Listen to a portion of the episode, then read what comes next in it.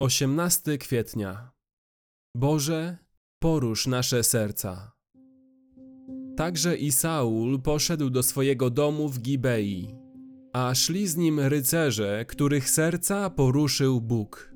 Pierwsza księga Samuela 10:26. Tylko pomyśl, co jest powiedziane w tym wersecie. Bóg ich poruszył. Nie żona, nie dziecko, nie rodzic, nie doradca, lecz Bóg. Bóg ich poruszył. Ten mający nieskończoną moc we wszechświecie. Ten mający nieskończony autorytet, nieskończoną mądrość, nieskończoną miłość, nieskończoną dobroć, nieskończoną czystość i nieskończoną sprawiedliwość.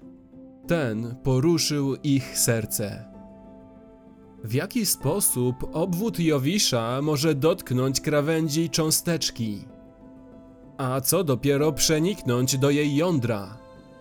Dotknięcie przez Boga jest niesamowite nie tylko dlatego, że to Bóg jest tym, który dotyka, ale również dlatego, że jest to dotknięcie. Jest to prawdziwe połączenie.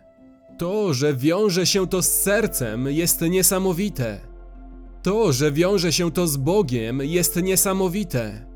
I to, że wiąże się to z rzeczywistym dotykiem, jest niesamowite.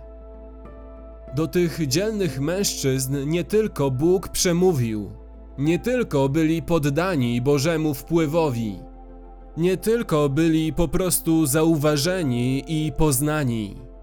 Bóg w swojej nieskończonej łaskawości dotknął ich serc. Bóg był tak blisko i nie zostali oni unicestwieni. Kocham ten dotyk. Chcę go więcej i więcej. Dla siebie i dla wszystkich Was.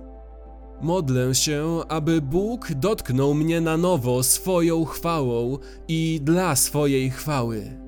Modlę się, aby dotknął nas wszystkich. Dotyk Boga.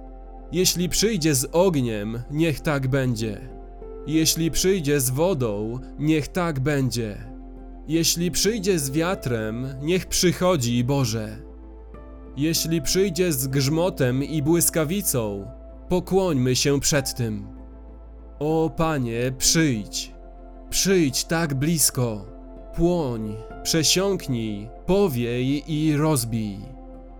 Albo cicho i spokojnie. Przyjdź.